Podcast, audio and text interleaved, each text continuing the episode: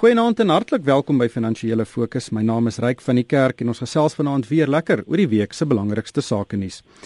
Ek het weer twee gaste op die lyn om my te help. Amelia Morgenrood is 'n beleggingskenner by PSG en sy gesels uit Pretoria. Goeienaand Amelia. Goeienaand Ryk. En Magnus Huystek, beleggingskenner by Brentest Wealth. Goeienaand Magnus. Hallo Ryk en hallo Amelia. In vanaand se program gaan ons gesels oor die appelhof wat die vonnis van J Arthur Brown van Fidentia van 'n boete van 150 000 rand of maar net 'n blote pitch op die hand opgestoot het tot 'n allemintige 15 jaar tronkstraf. Cambus, dis nog 'n beleggingsskema wat skynbaar in die moeilikheid is en omtrent elke maatskappy wat in Cambus verbonde is, is in sake redding of mik na likwidasie en beleggers kan met rede bekommerd wees oor hierdie skema. En dan die olieprys hou aan om te daal en dit is besig om 'n hele die dinamika van die wêreld se energiebedryf te verander en ons gaan gesels oor die wat die impak op Suid-Afrika kan wees. Maar Magnus, kom ons begin by die baie interessante saak van J Arthur Brown uh, van Fidentia. Uh, die saak is was al omtrent 7 jaar in die howe en uh, Arthur Brown het reggestaan op 192 aanklagte van bedrog en diefstal en hy het miljoene rande se geld gesteel by pensioene en uh, van mynwerkers, weduwees en weeskinders. Hy het skuld erken op twee aanklagte van bedrog en hy is toeskuldig bevind in die Kaapstad se Hooggeregshof vir verlede jaar en hy het 'n opgeskorte vonnis gekry en hy moes ook 'n boete van 150 000 rand betaal. Die nasionale vervolgingsgesag het 'n appel aangeteken en die hof het uh, hierdie week gesê die uh, vonnis is nie voldoende nie. Hy moet vir 15 jaar lank tronk toe gaan. Wat is jou siening hieroor? Ja, ek dink die eerste uitspraak het baie mense verbaas. Onthou hy het net skuldig gepleit op twee uh, klagte en, en en hy is nou gefonnis op daai twee klagte. Niks niets nie. So maar daar was baie wyd verspreide verbasing oor die oor die die ligtheid van sy vonnis. Dit was basies 'n boete en hy stap weg. So 'n mens kan die vervolgingsgesag, jy weet, prys dat hulle teruggegaan het want dit het 'n boodskap ingestuur in die wêreld in die gemeenskap dat uh, witboortjie misdaad is aanvaarbaar en die kans is baie goed dat jy sal wegkom met 'n baie ligte tik op die vinger so ek dink ek dink dit stuur 'n ander boodskap op hierdie stadium. Ja, Mira, hierdie verskil van beleggingsskemas, uh weet mense het, het nie gekies om by hom te belê nie, dit was instansies wat by hom belê het en toe hy daai veld gevat. Ja, dit is juist wat so krimineel is in hierdie geval. Ehm um, ryk in in 'n groot mate het 'n mens baie keer baie min simpatie met beleggers wat aanhoudend in al hierdie skemas belê waar hulle hulle geld verloor, jy weet in die Sharemaxe en die Creon van die wêreld. So jy weet dit is mense se eie vrye wil waar waar hulle daar gaan belê, maar in hierdie geval het hy ehm um, basies 'n lisensie gehad uh, volgens wet waar volgens hy met fondse kon handel wat eintlik beskerm word en in in hierdie geval was dit die was dit wat hulle noem beneficiary funds, ehm um, soos die Living Hands Trust wat ehm um, eintlik maar die weduwee en wese se fondse is wat vir hulle gebeere word en hy het toegang tot hierdie fondse gehad. Maar wat baie goed is ten minste van hierdie ondersoek wat daarom uitgevloei het daaruit is van vanaf um, 2008 is hierdie ehm um, sogenaamde beneficiary funds ook nou deur die FSB gereguleer. So so iets kan eintlik nie maklik weer gebeur nie. Ehm um, maar ryk wat ek wil miskien byvoeg by wat Magnus ook gesê het, ehm um, is ons regstelsel het in hierdie geval nou gesê 4, maar hoe lank het dit gevat? Dit is 8 jaar sedert daar vir die eerste keer by die FSB anonieme briewe geland het dat alles nie reg is by die FSB nie. So mense begin wonder oor die Suid-Afrikaanse regstelsel. Ek bedoel hier is die regter Anton Veldhuisen, ek noem hom sommer by die naam. Ehm um, vyf appelregters het bevind dat hy antagonisties was teenoor die staat se saak en van die begin af aanhoudend tussenwyde getree tot voordeel van ehm um, Arthur J Brown. Hmm. So mense vra jouself hoe dit gebeur. Hoe is dit dat 'n regter met sulke ooglopende kriminele gedrag saamstem en eintlik basies die die kriminele in hierdie geval beskerm? Hmm. En ehm um, mense wonder maar nog steeds oor die Suid-Afrikaanse regstelsel. Dit het al verander in 'n onbetroubare stelsel. Daar's 'n toenemende onvermoë om geregtigheid te laat geskied uh, met misdaad. En ons het al in Suid-Afrika so gedesensiteer geraak. Ehm um, toe ek byvoorbeeld 'n paar maande gelede hoor van hierdie vonnis, het ek maar so half net my kop geskit, my skouers opgetrek en aangegaan. En ek weet van so baie hofsaake waar mense deesdae nie 'n uitspraak hmm. uit 'n regter uit kan kry nie, wat nog te sê geregtigheid. So Suid-Afrika is ek bekommerd, gaan net meer en meer 'n teelaarde raak vir misdadigers wat en, dit gaan net al hoe moeiliker raak om hierdie hand vas te vat. Magnus, uh, soos Amelie daar sê, 8 jaar om hierdie saak weet weet eh, 'n uh, lyn onder hom te trek. Hoe lank het dit die die Bernie Madoff saak gevat in Amerika om tot 'n uh, einde te kom? 6 maande. Jy weet uh, hy's uh, aangekla, die vonnis, die, die hofsaak en hy tronk toe binne 6 maande. Jy weet daar het hulle die mannekrag en die kundigheid om in te stap, sake te ondersoek en baie vinnig uh, voor 'n voor 'n regter te kry. Ek dink daar's 'n gebrek aan kundigheid veral in die finansiële wêreld met forensiese ouditeure en dies meer nodig het.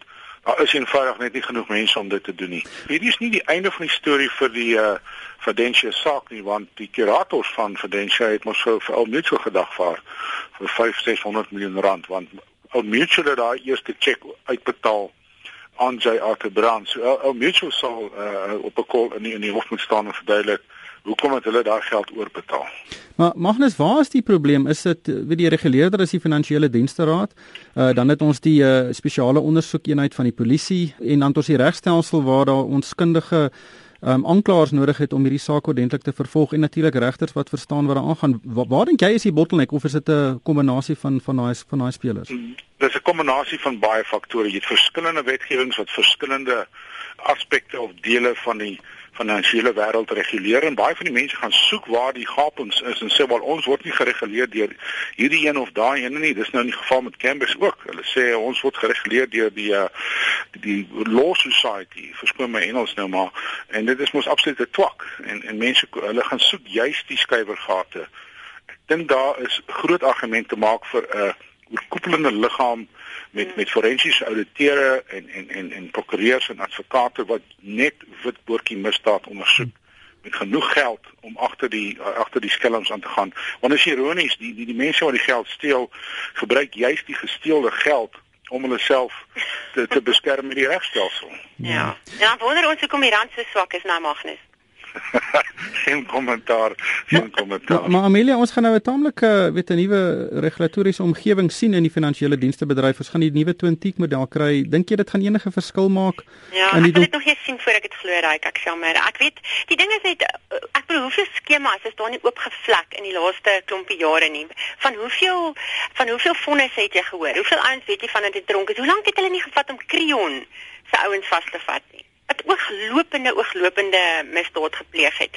Hierdie ouens word nie eens aangehou nie man. Hulle sit lekker, hulle hulle vat daai gesteelde geld en hulle het 'n hulle het 'n fantastiese lewe. Ek moet ek daar was Gary Porrett. Ek het nou die dag gelees daar kom nou weer iets van daai saak. Ek weet nie, ek ek kan nie sien dat enigiets gaan verander nie. Daar's Canvas. Ek wil nie myself uitspreek oor dit nie.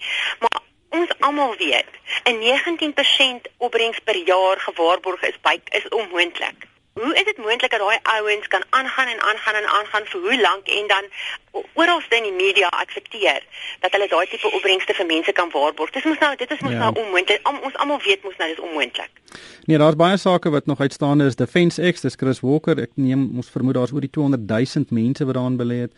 Die Tannenbaum sake wat die weet Barry Tannenbaum wat bly in Runaway Bay in Australië. Hy word nie teruggestuur Suid-Afrika toe nie. En dan daai Gawala sake wat die pensioenfonds surplusse gestroop het. So daar's 'n hele klomp van hulle. Maar Magnus, kom ons gesels gou oor Canvas. Dis 'n uh, ek weet nie of mense dit 'n skema kan noem nie, maar daar's regtig groot moeilikheid daar en ek dink die skema is baie bekend oor die televisie-advertensies waar daai die kliënte so jubel oor die produkte. Um, en daar's vir alle vrou, Amelia, sy klink nogal soos jy.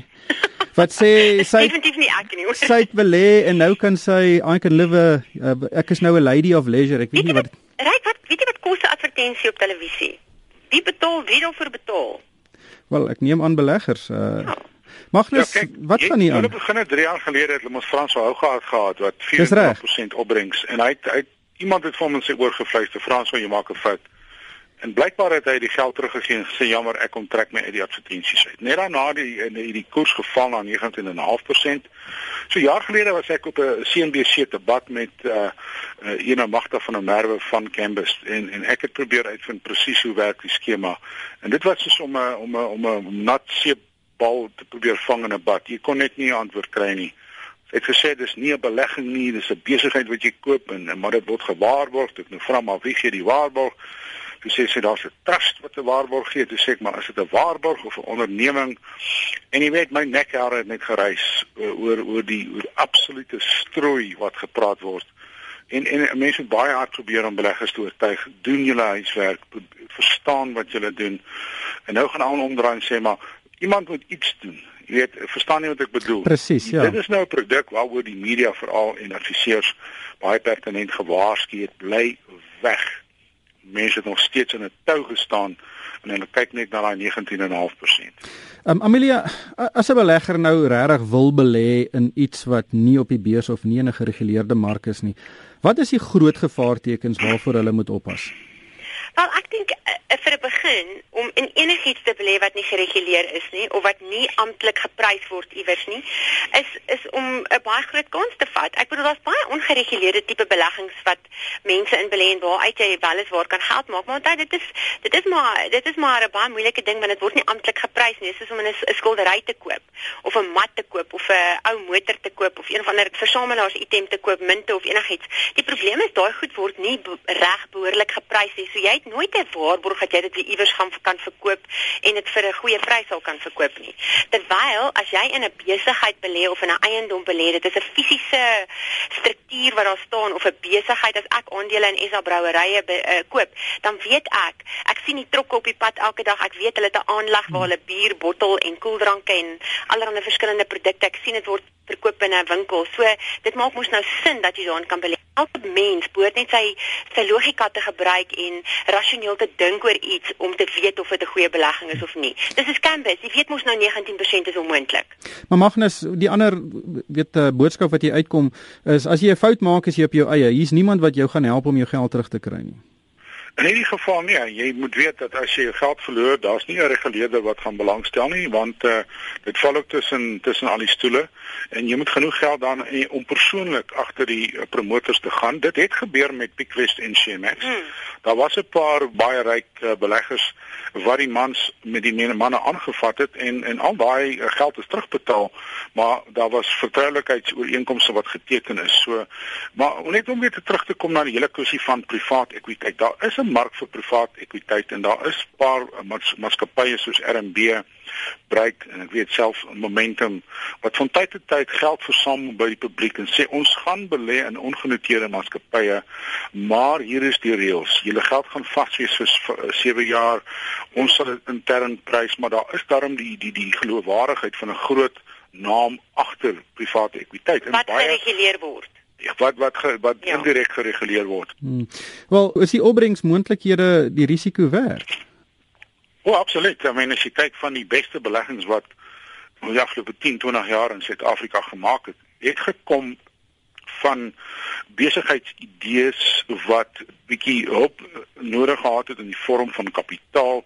Ek dink byvoorbeeld aan Discovery as 'n voorbeeld Aspen eh, wat uiteindelik gegradueer het tot die beurs maar hulle het begin uh, deur middel van privaat ekwiteit uh, vriende, vennote, kollegas wat saamkom en geld in 'n pot gooi, maar die gehalte van die mense wat hmm. daai skemas dryf is die is die belangrikste punt. En wat belangrik is ek Magnus is almal het geweet presies waar dit gegaan het en dit was openlik. Is nie soos soos jy nou sê van Canvas, jy weet dit is so 'n soos 'n koekie seep wat jy probeer vasvat. Jy weet nooit presies wat dit is nie.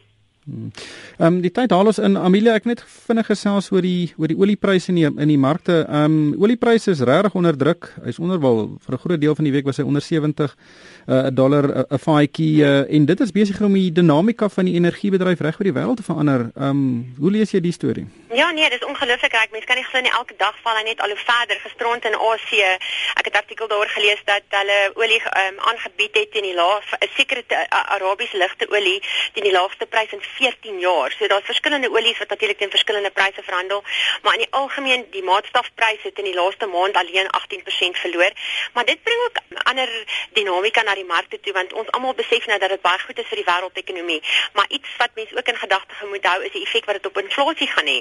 In Amerika is die teiken 2% op hierdie stadium is dit een is inflasie 1.6% en Janet Yellen is op rekord dat sy gaan die rentekoerse opstoot as inflasie nie um, binne die tyd by die teiken uh, band is nie. So die, hierdie kan beteken dat dat rentekoerse nog langer laag gaan bly in Amerika en dieselfde in Europa. Ons gaan moontlik 'n uh, eh, stimulus daar kry want daar is die teiken ook um, 2% en inflasie is amper 0. So hierdie lae olieprys kan eintlik in Europa deflasie veroorsaak en dit nog verder stimulus in die markte bring wat vir my net sê dat aandelemarkte se potensiaal om vreeslik te daal in die uh, medium termyn is is baie min. Magnus? Ek wil net byvoeg ons moet baie baie dankbaar wees. Ek praat nou van Suid-Afrika dat die olieprys so geval het want uh jy weet binne 6 maande van 120 na 70 dollar per vat uh met ons uh, finansiële probleme met ons groot tekort op ons lopende rekening en ons on, ons fiskale probleme was ons regtig in die moeilikheid as die oliepryse nie so kwai geval het nie want teen hierdie tyd was die rand lank al by 12 verby. So ons kan net baie baie dankbaar wees. Ons is baie gelukkig. Magnus uh, Fitch um, stel Vrydag sy nuwe gradering vir Suid-Afrika bekend. Ehm um, nou Fitch is nie die die, belangrikste of die mees gesaghebende graderingsagentskap onder die top 3 nie, maar uh, Daar is 'n verwagting dat hulle dalk weer hulle gradering kan verlaag um, en dan is hy net een kerf bo die gemorstatus. Dis korrek ja, hulle het al kommentaar gelewer en hulle ek weet hulle doen dit uh, ek dink is donderdag ja. aanstaande week of of Vrydag. En hulle ja, en hulle is, hulle het gewaarsku dat hulle het kommentaar gelewer in baie diplomatieke taal dat ons fiskale tendense is verkeerd. Wat hulle daarmee bedoel is dat ons uh, ons ons belastinginsameling uh, is besig om nie net negatief te raak en en en dit is vir hulle 'n rooi lig wat aangaan. So ek sal nie verbaas wees En dan praat ons van Eskom, Eskom effek wat bykom nie, want onthou daaroor is nog niks gesê nie. Dit is nou maar nog in die laaste week of twee wat Eskom bekend gemaak het dat ons hier met beerkrag gaan sit vir 'n lang tyd. So, um, ek dink dit is die mees kommerwekkende ehm um, vooruitsig vir ons as Eskom en dan ons ekonomiese vooruitsigte wat baie troebel is. Ongelukkig hierdie tyd ons op daardie uh, negatiewe noot ingehaal. Baie dankie Amelia Morgenrood van PSG en Magnus Huystek beleggingskenner by Brent 12 en van my ryk van die kerk. Dankie vir die saamluister.